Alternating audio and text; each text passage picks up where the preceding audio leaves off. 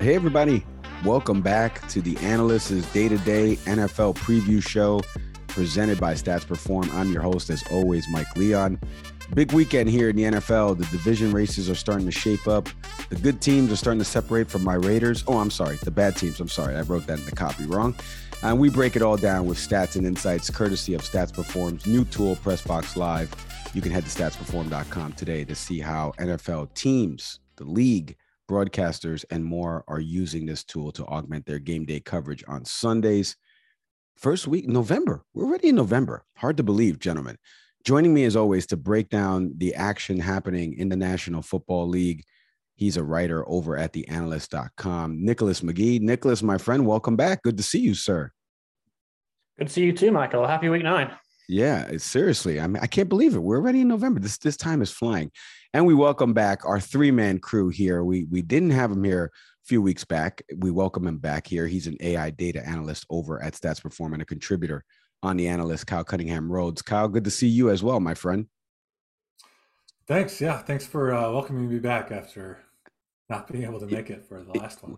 It was your bye week last week. That's what we chalked it up to. Um, real quick for both of you guys, I, I, I was thinking about this as we were preparing for the show before we get into the five games we're going to break down happening here in week nine.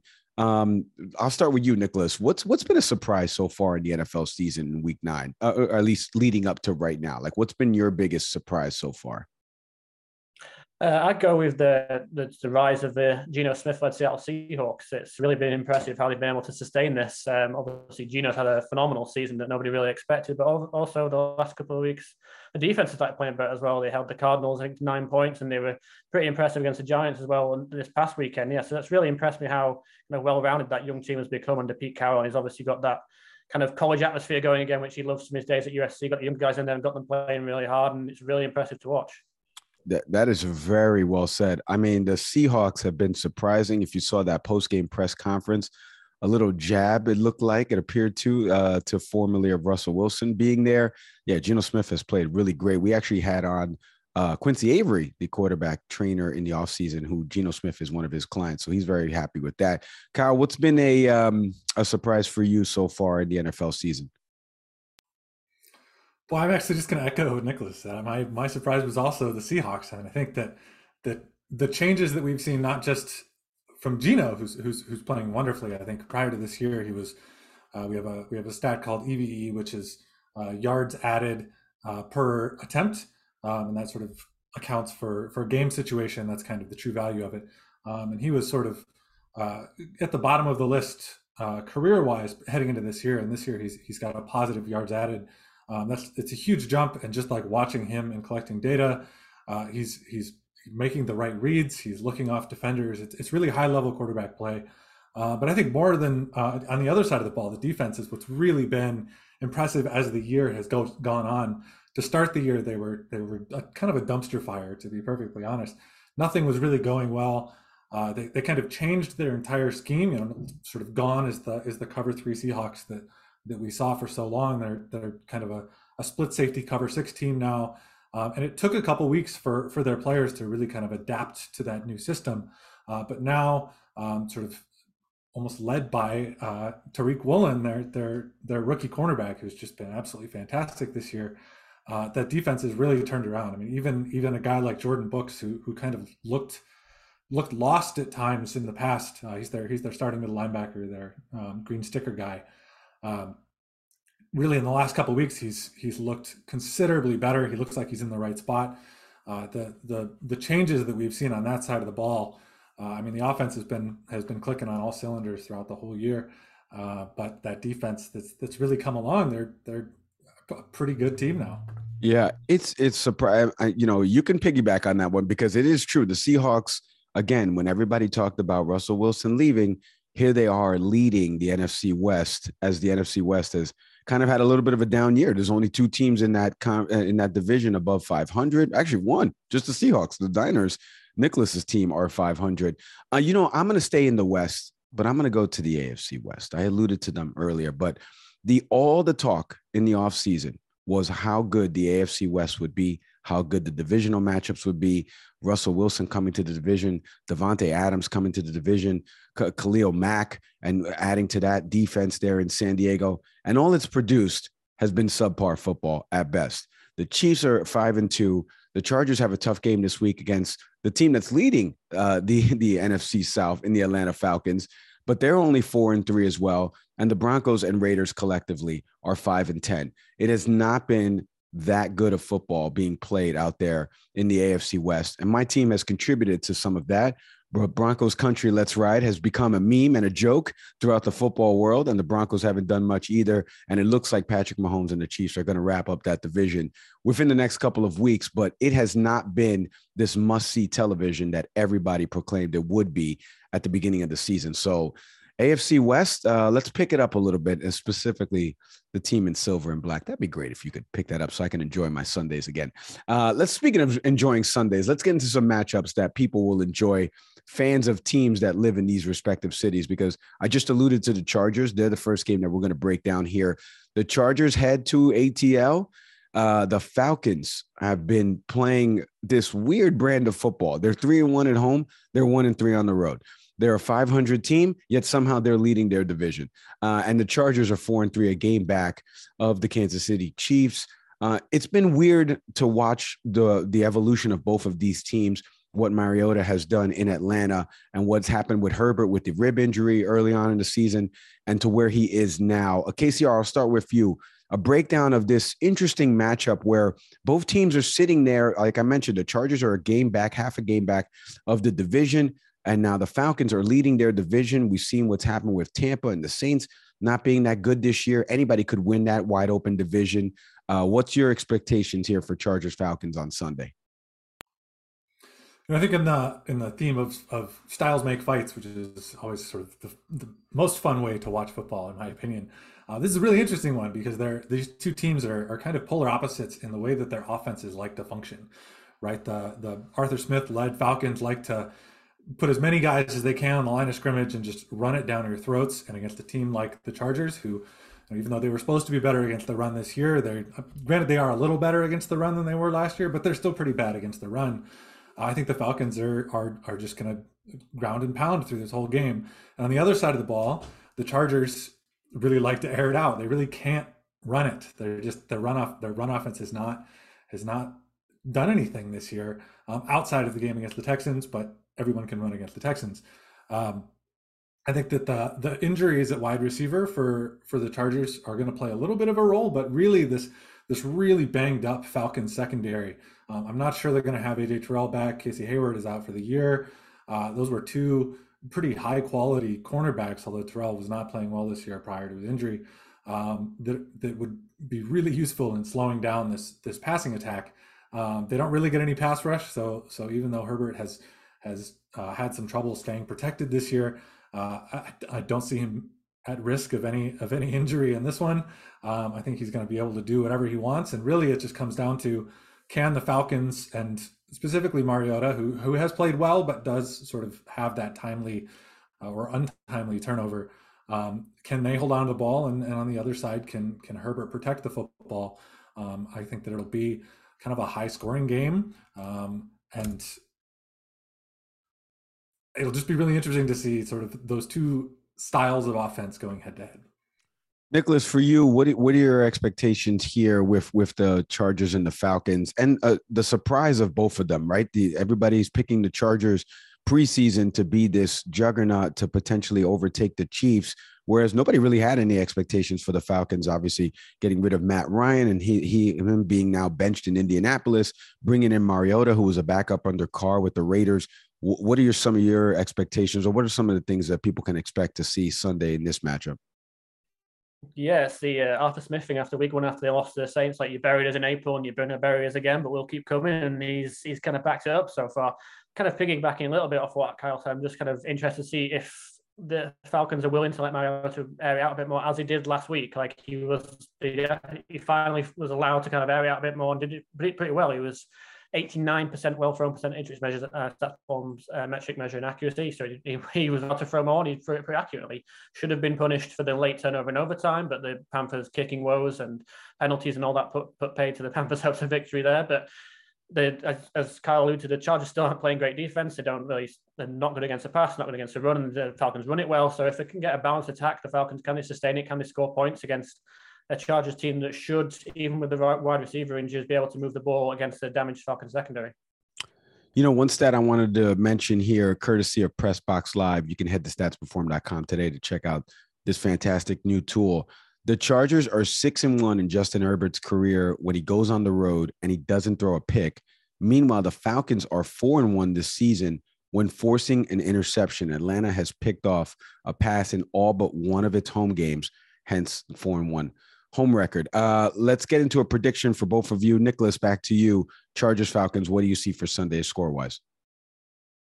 Uh, I'm going to go with the Chargers. Uh, I think it'll be a high scoring game, like Carl said. Uh, I think we're looking kind of 31 28, that kind, of, that kind of region. That's what I'll go for. I just I don't have faith in the Falcons secondary slowing down uh, Justin Herbert after completely failing down, failing to slow down PJ Walker last week in that filler in the uh, Mercedes Benz Stadium. So I, I don't see the secondary being up to the task. Kyle, what about you? I've got the Chargers by two. Um, but what's getting lost in this a little bit is that it is a Younghoe Koo revenge game. Uh, he was cut by the Chargers. Uh, I could, you know, the Chargers are sort of renowned for their kicking issues, so I could see a late missed field goal followed by a game winner from from Koo.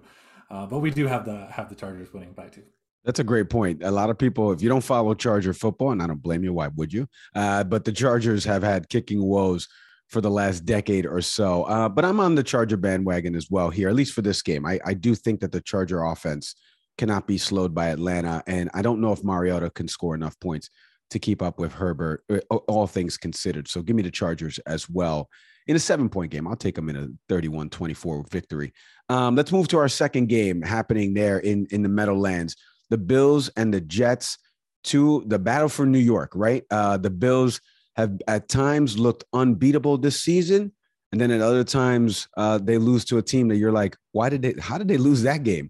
Right. And, and the Jets, meanwhile, have had a resurgency here. They have 4 and 0 on the road, and they are 1 and 3 at MetLife Stadium there in East Rutherford, New Jersey. I'm sure Jet fans are losing their mind that they can't win home games, yet somehow are this amazing road team. Meanwhile, uh, the division is up for grabs, kind of, if the Jets were to win this game the Bills are sitting there hoping to actually put the foot on the neck and and end any talk of anybody winning this AFC East outside of them. Uh, I'll start with you, Nicholas. Bills Jets. Uh, will we see the Jets continue the home struggles, or will the Bills uh, somehow lose a game that they shouldn't lose on the road? What are you expecting in Sunday's matchup?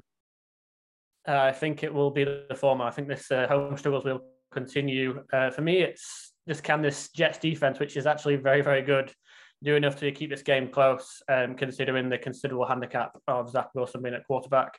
Uh, the Jets are allowing only a six offensive success rate of 36.6%, uh, which is tied for fifth best in the NFL. They have the fourth highest pressure rate uh, in the league at 43.3%, but they only blitz on 15% at a time. So, in other words, they're getting pressure with force, so not sending the extra pass rushers.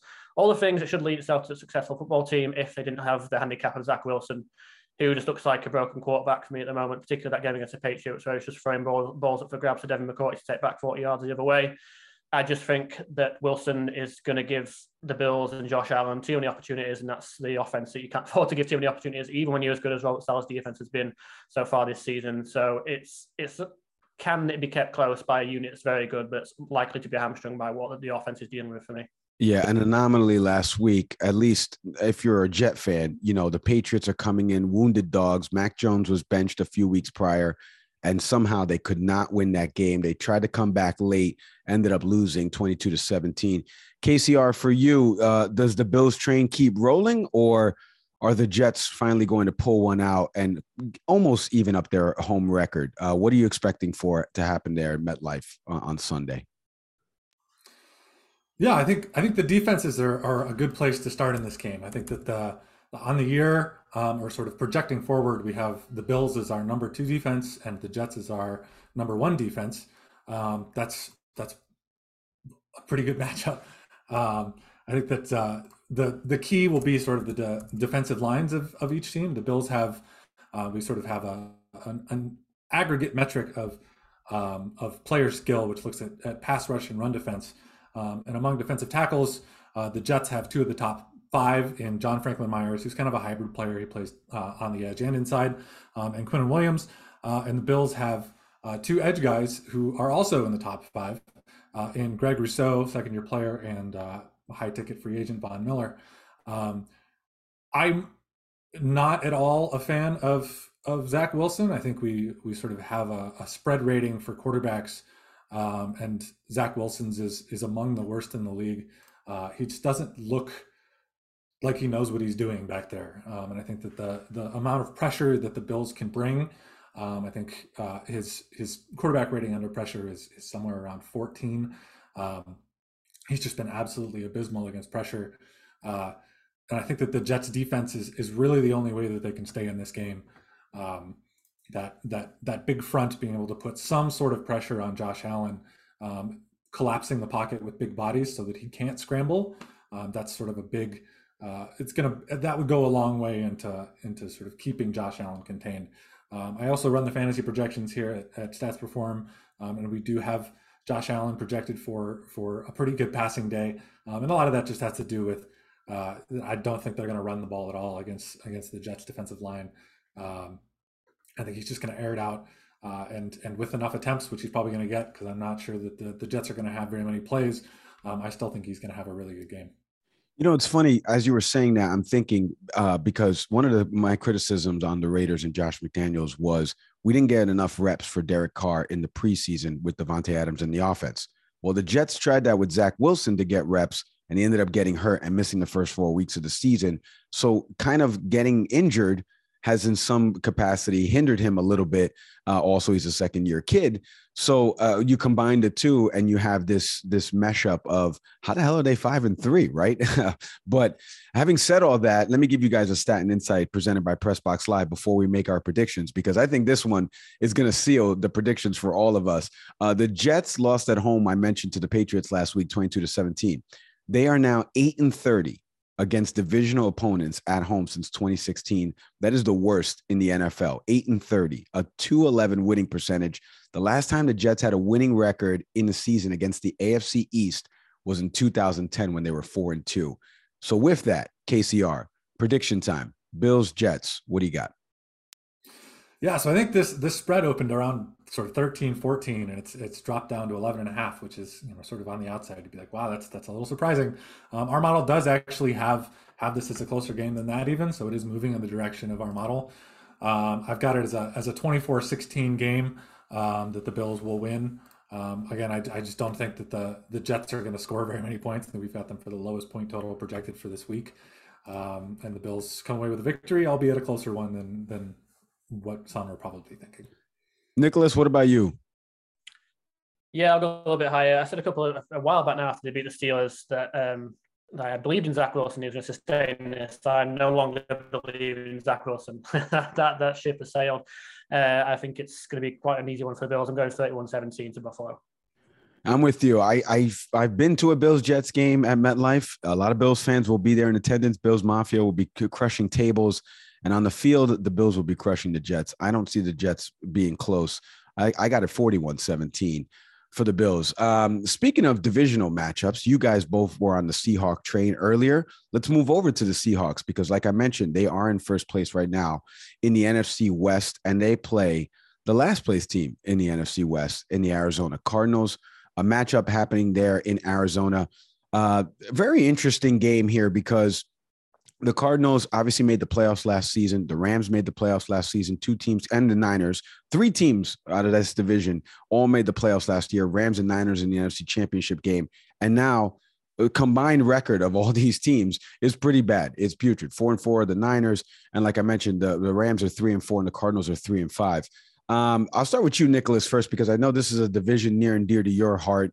Uh, what are you expecting here in this matchup with the Seahawks and the Cardinals? Yeah, we saw this a couple of weeks ago, and it was quite a, um, a low-scoring game. So my kind of thing I'm looking at here is um, just how the Cardinals will go about stopping uh, the Geno train, so to speak. They're uh, quite a blitz-heavy defense. Um, blitz at the fourth highest rate in the NFL, going to our metrics, 42.5%.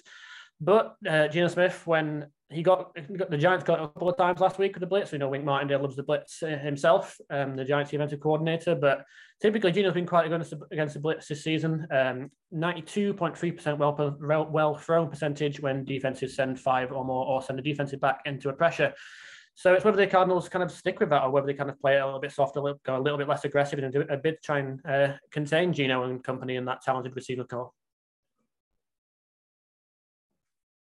Uh, it's a great point. You know, uh, stat and insight here from Pressbox Live because you were just talking about Geno Smith. He leads the NFL quarterbacks this season with a completion percentage of 72.7%. And only one quarterback in NFL history has gone a full season with a completion percentage of 72% or higher. His name was Drew Brees. So to say that Geno Smith is playing phenomenal would be an understatement. I, th- I know the fans down in Morgantown, West Virginia were like, we would have loved that in college. We probably would have won a lot more games with Geno Smith under center. Um, KCR, for you, Seahawks Cardinals, interesting matchup here. Probably not the way the division was expected to go at the beginning of the season. Yet here we are, Seahawks leading, Cardinals uh, towards the bottom. What are you expecting in this matchup?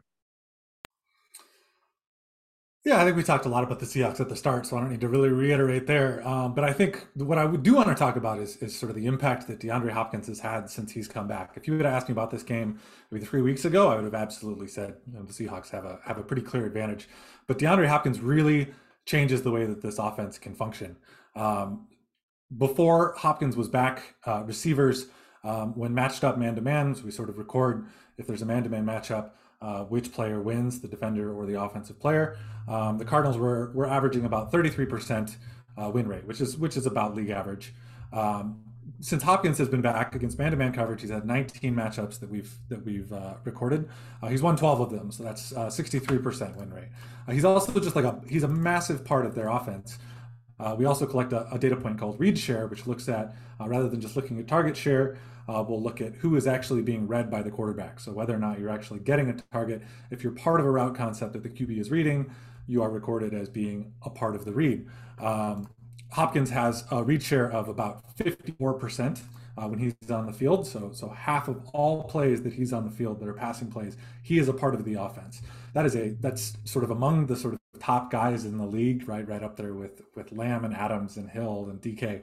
Um, he he fundamentally changes how this offense can function. Um, I think the big the big thing that I will be watching for uh, from the Cardinals uh, outside of, of Hopkins is sort of the health of their offensive line. They've had some offensive linemen out the last couple of weeks. Um, that's been a real problem. Uh, the Seahawks don't necessarily have uh, a big pass rush, but but having their guys healthy, specifically Rodney Hudson in the center um, and their left tackle, uh, that would that would be really really useful for uh, for this game. Well, let's get predictions from each of you guys now on the game. Um, KCR, I'll stay with you. What do you got score wise? Who's winning this game in, in Arizona?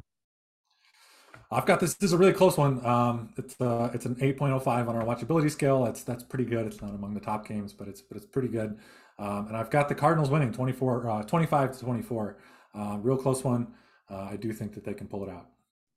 Uh, Nicholas, what about you?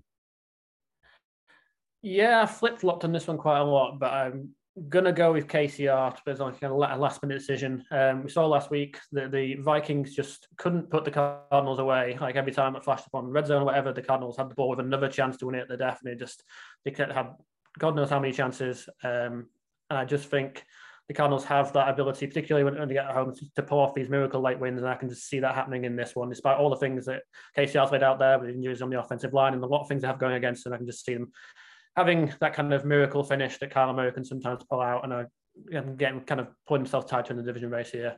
Uh, give me high score in 28-25.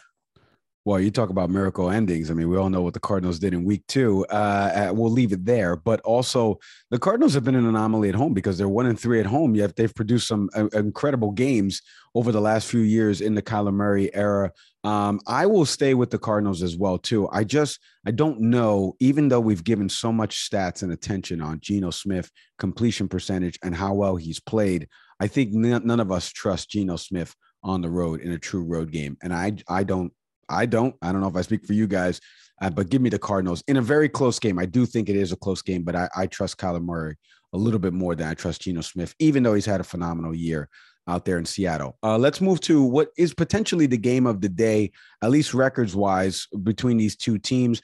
The Titans head to Kansas City to take on the Chiefs. Both teams five and two right now. Both teams sitting atop their divisions. Uh, very interesting matchup here because I know I'm not sure if Ryan Tannehill will be playing. Uh, Malik Willis is potentially going to be playing as well. Uh, the Chiefs are coming off their bye, where they just beat the Niners a few weeks back. Sorry, Nicholas, to put more salt on the wound there. But the Chiefs are now looking to uh, to expand their lead here, especially if the Chargers lose to the Falcons, the first matchup that we previewed on this show. Uh, I'll start with you, Nicholas. What are you expecting for in Titans Chiefs here? Because it's been interesting. The AFC South is really down, and the Titans have been able to put a little bit of a stranglehold on it. And I mentioned the AFC West at the beginning of the show and how down the bottom of the division is with Denver and Las Vegas. And both teams are pretty much on cruise control, but the, especially if they win this game. What are you expecting for in this matchup in KC? yeah, the, the Titans have kind of given the Chiefs uh, troubles over the years. We saw in the AFC Championship game a couple of seasons ago, they had they had a lead and they've they beat them in Tennessee in the past. They can kind of punch them in the mouth a little bit and, and get them on, on the back foot. Um, yeah, it's, it's, how do you keep pace with the Chiefs? Um, and the Titans might have a formula if Derrick Henry uh, is what he was last week, which was an absolute uh, behemoth uh, by our, our numbers. Uh, point one yards after contact and 5.84 yards per carry on runs where there was a disruption by a defender, which is absolutely insane. With the caveat that KCR pointed out earlier that anybody coming against the Texans, but the Chiefs are allowing a run success rate of 44.6, which is the worst in the NFL. So there is potentially a formula there. Having said all that, we alluded to the fact that I picked the Niners to beat the Chiefs a couple of weeks ago and could not have been more wrong. And Patrick Mahomes produced one of the most sensational performances of the season when you dig into that deeper. It's absolutely insane to watch. Um, an incredible offense when it's operating operating on that and that kind of level. So it's just whether they whether they're a team that's as run heavy as the Titans are, I don't know if, I assume had a little bit back this week and it won't be Malik Willis, but whether they have that formula to kind of punch him in the mouth again and make it a close game. Yeah, it'll be interesting. Uh, a quick stat and insight presented by Pressbox Live. Uh, this is just on the Chiefs offense. Since Patrick Mahomes' first full season as a starter back in 2018, Kansas City has scored at least 33 points or more 30 times. That's five more than anybody else in the league. And the Chiefs are 27 and three in those games. 27 and three. I don't know how the Titans keep up with them offensively. Again, time of possession used to be a big thing in the NFL. Unless it's 50 to 10, uh, I don't see how the Chiefs and the, the, Chiefs could still score 30 points in that 10 minutes. Uh, KCR, uh, what are you looking forward to in this matchup? What can people expect Sunday in Titans Chiefs?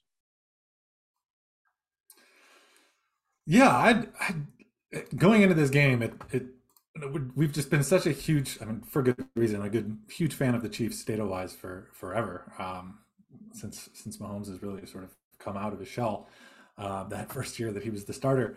Um, and then we plugged this game in, and it was it was closer than we thought it was going to be. Um, and I think kind of the big thing to that the more that I dug, the more that I saw was was really that that Titans run offense. and their offensive line um, has has gone through some changes this year. Um, they lost Rodger Saffold, who's now a Bill. Um, Taylor Lewan is out for the year, the left tackle and left guard, both of those um, and they've got they've got two new players there. Uh, but their run blocking has been absolutely fantastic. And when you can give Derrick Henry any kind of space, he can just run over anybody at the second level. And that's really what you saw against the Texans last week. Now, the Texans run defense and the Chiefs run defenses are not in the same area code of, of skill level. The defense is still susceptible. Um, I think that that's where where the Titans kind of stand a chance in this game. Um, and I think on the other side of the ball, the the the best. Chris Jones is is among the best defensive linemen in the NFL. But on the other side of the ball, Jeffery Simmons is is pretty close to his equal in terms of in terms of what he's been doing this year.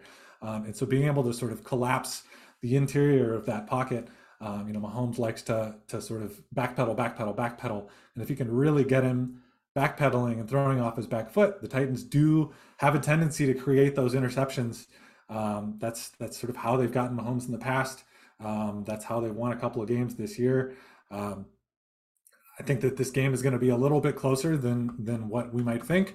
Uh, but what the model also does not take into account is Andy Reid coming off a bye, um, which is is practically undefeated. Um, I, just, I don't have a way to put that in. So. I was gonna say, I mean that that's all says it. If you, all you gotta do is look up, type into Google Andy Reid's record after a bye, and you wouldn't pick against the Chiefs in this game. I can't imagine any of you guys will pick against the Chiefs in this game, but let's let's hear it though. KCR, you first. Titans Chiefs prediction. Yeah, like I said, closer than closer than expected. And I think the spread on this game is, is close to 12 and a half. We've actually got it around seven. Uh, so 27-20 is is what we're thinking here. Nicholas, what about you? Yeah, I'll go similar similar range, not betting against the Chiefs. Andy Reid off a bye, like he says, uh, 30-24, close one, a bit more entertaining, but yeah, still the Chiefs. I'll switch those numbers and I'll say 34-20 Kansas City for the final prediction there. And speaking of final, let's get into our final matchup of two teams that last year had a crazy playoff game, and yet somehow here they are, three and four, three and five, respectively. The Rams head to Tampa Bay, where Father Time has maybe finally caught up to Tom Brady. I wish I had caught up to him back in 2001 in a snow game, but that's for a different time and a different podcast. But here we are, Rams Buccaneers, and uh, you're looking at this game from the outside, uh, and you're saying to yourself, how did these teams get here? I don't understand what is happening right now. One went to the Super Bowl and won it. The other team won it a few years back, and now they look like a shell of each other. Um, for you guys, let's start with Nicholas first. Um, Rams Buccaneers, what is going on? What is happening with both of these teams? Why are they are where they are? The Buc somehow the Buccaneers are only a game out of first place in their division, even though they're three and five after losing that Panther game. And the, and I mentioned uh, the the Rams are three and four, third in the division right now in the NFC West, a uh, couple games back of the Seahawks. What are you looking forward to in this matchup, and what's going on with both of these teams? Wow, that's a that's a that's a tough question to answer. I think I think with the um, the Rams, I think.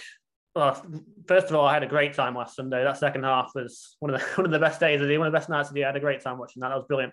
Um, but yeah, they they're running the Jared Goff offense at this point with, with, Matthew Stafford. Um, last week it was first half against Niners success with the screen game. It was screen after screen after screen after screen, and the Niners weren't really doing anything wrong. It was just kind of well executed by the Rams, and they were getting well filled with screen passes and the occasional shot downfield to Cooper Kupp, and they got a mismatch on him.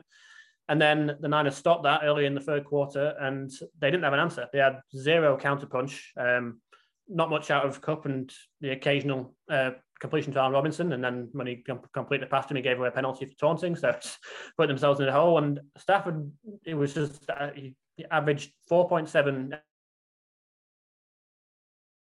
shift from last year. And it's just, it's a, it's a short passing game when they get the ball out quickly, and which is what they were doing with Jared Goff a couple of years ago. And they, they just don't have an answer. One team, the Niners took that away. And I just, I don't see how that gets any better.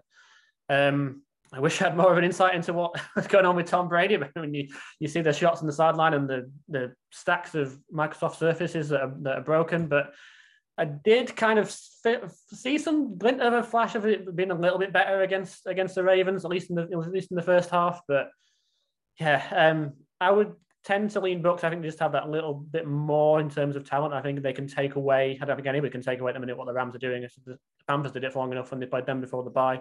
Um, so I have a little bit more hope for Tampa Bay just because in terms of talent they've got there. I tend to think that Brady with Godwin and Mike Evans would be able to figure it out, but I don't know how the Rams do that. Yeah, I don't know what's going on with either of these teams. KCR, maybe you can shed some more like the uh, the Watson to the Sherlock Holmes here. Uh, tell us a little bit about Rams Bucks. What are you expecting in this matchup, and what's going on with both of these teams? Why are they both uh, under 500?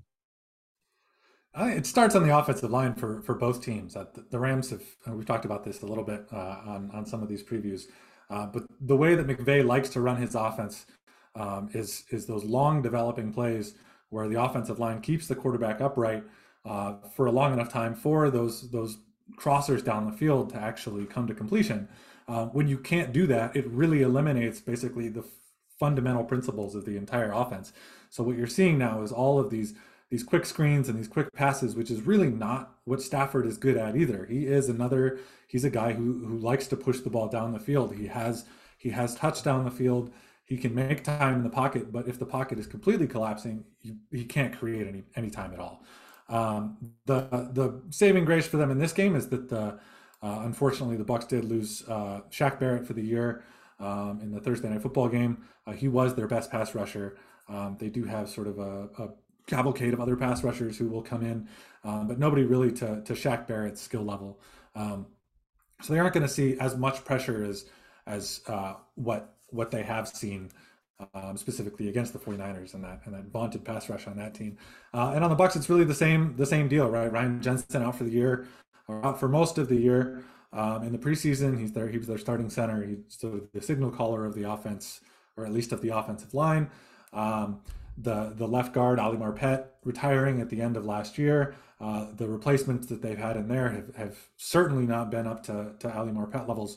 Um, the rest of the line has actually been okay, uh, but but they also are a team that that sort of historically for for Tom Brady having some sort of running game has been so integral to what he does. Right, you you those those images of the of the quick play action uh, from under center, quick turnaround, and hitting Gronk running a seam route up the middle for for 25 yards.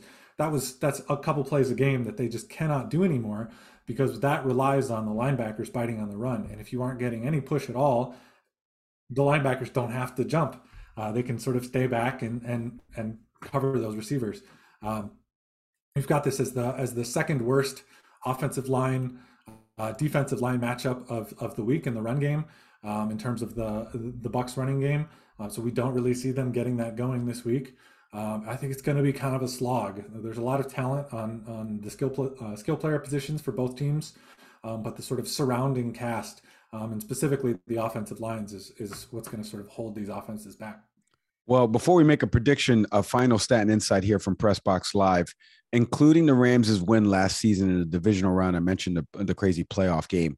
The Rams are nine and one in their last ten games against the Buccaneers, including a five and zero oh mark in Tampa. It's just the sixth time in franchise history that they have won five straight road games against a single opponent in either the regular or postseason combined a telling stat. And with that telling stat, let's see if anybody actually takes the Buccaneers in this game. Nicholas, I'll start with you first. Rams Bucks prediction score wise. Yeah, I'm going to do it for you. I'm going to I'm going to take Tampa Bay. Um, just I'm just going with Brady to figure this out over whatever it is the, the Rams have going on with that offense. I just don't see it getting any better based off, off the evidence of last weekend when they had the bye to prepare for the Niners and just barely looked any worse in the second half. I think the Bucs will figure it out eventually. Uh, give me this in a low scoring one. I'll go 17-14. All right. So the announcer jinx potentially. I just uh, gave that stat right, five and zero, oh, and then that means obviously the Buccaneers will win, and it'll be a five and one record. KCR, what about you, Rams Bucks score wise? Yeah, I think the the Cooper Kupp injury is one that I'll be sort of watching for as the as the week progresses. He sort of came up lame on one of their last plays of the game, uh, but I also have the Bucks in this one. I've got them uh, 24-19 victory. Um, I, I, am going to sort of echo what Nicholas just said. I, I see the Bucks as being closer to having sort of fixed their issues than than the Rams uh, and the the real problems that they've got. Yeah, you know the Rams are one and one on the road this year. Obviously, they lost that game in San Francisco. Um, two and three at home. The Buccaneers have not been very good at home this year. But I'm with you guys, right? At some point, you have to trust that Tom Brady will at least right this ship, realizing that the division is still not lost. The Falcons are only a game up. I'll take Tampa Bay as well in a close game. So we're all going to buck the trend of that phenomenal stat and insight that we gave you. And speaking of phenomenal stat and insights, you can check out all the work that Nicholas and Kyle do over at theanalyst.com. And you find out more information about Stats Perform's new tool called Pressbox Live. You can head to statsperform.com today to find out how NFL teams, the league itself, and broadcasters are utilizing this amazing tool with all the stats and insights and data that you see that we display here on this show. My thank yous to Nicholas McGee, a writer over at The Analyst, KCR. You can check out his work at The Analyst, also a data, AI data analyst. Say that three times fast over at Stats Perform. My thank yous to both of you. Week nine in the National Football League. We hope you enjoy all the games on Sunday. We'll be back next week with a preview of Week 10 matchup. For Nicholas, Kyle, I'm Mike Leon. Thanks for watching, everybody.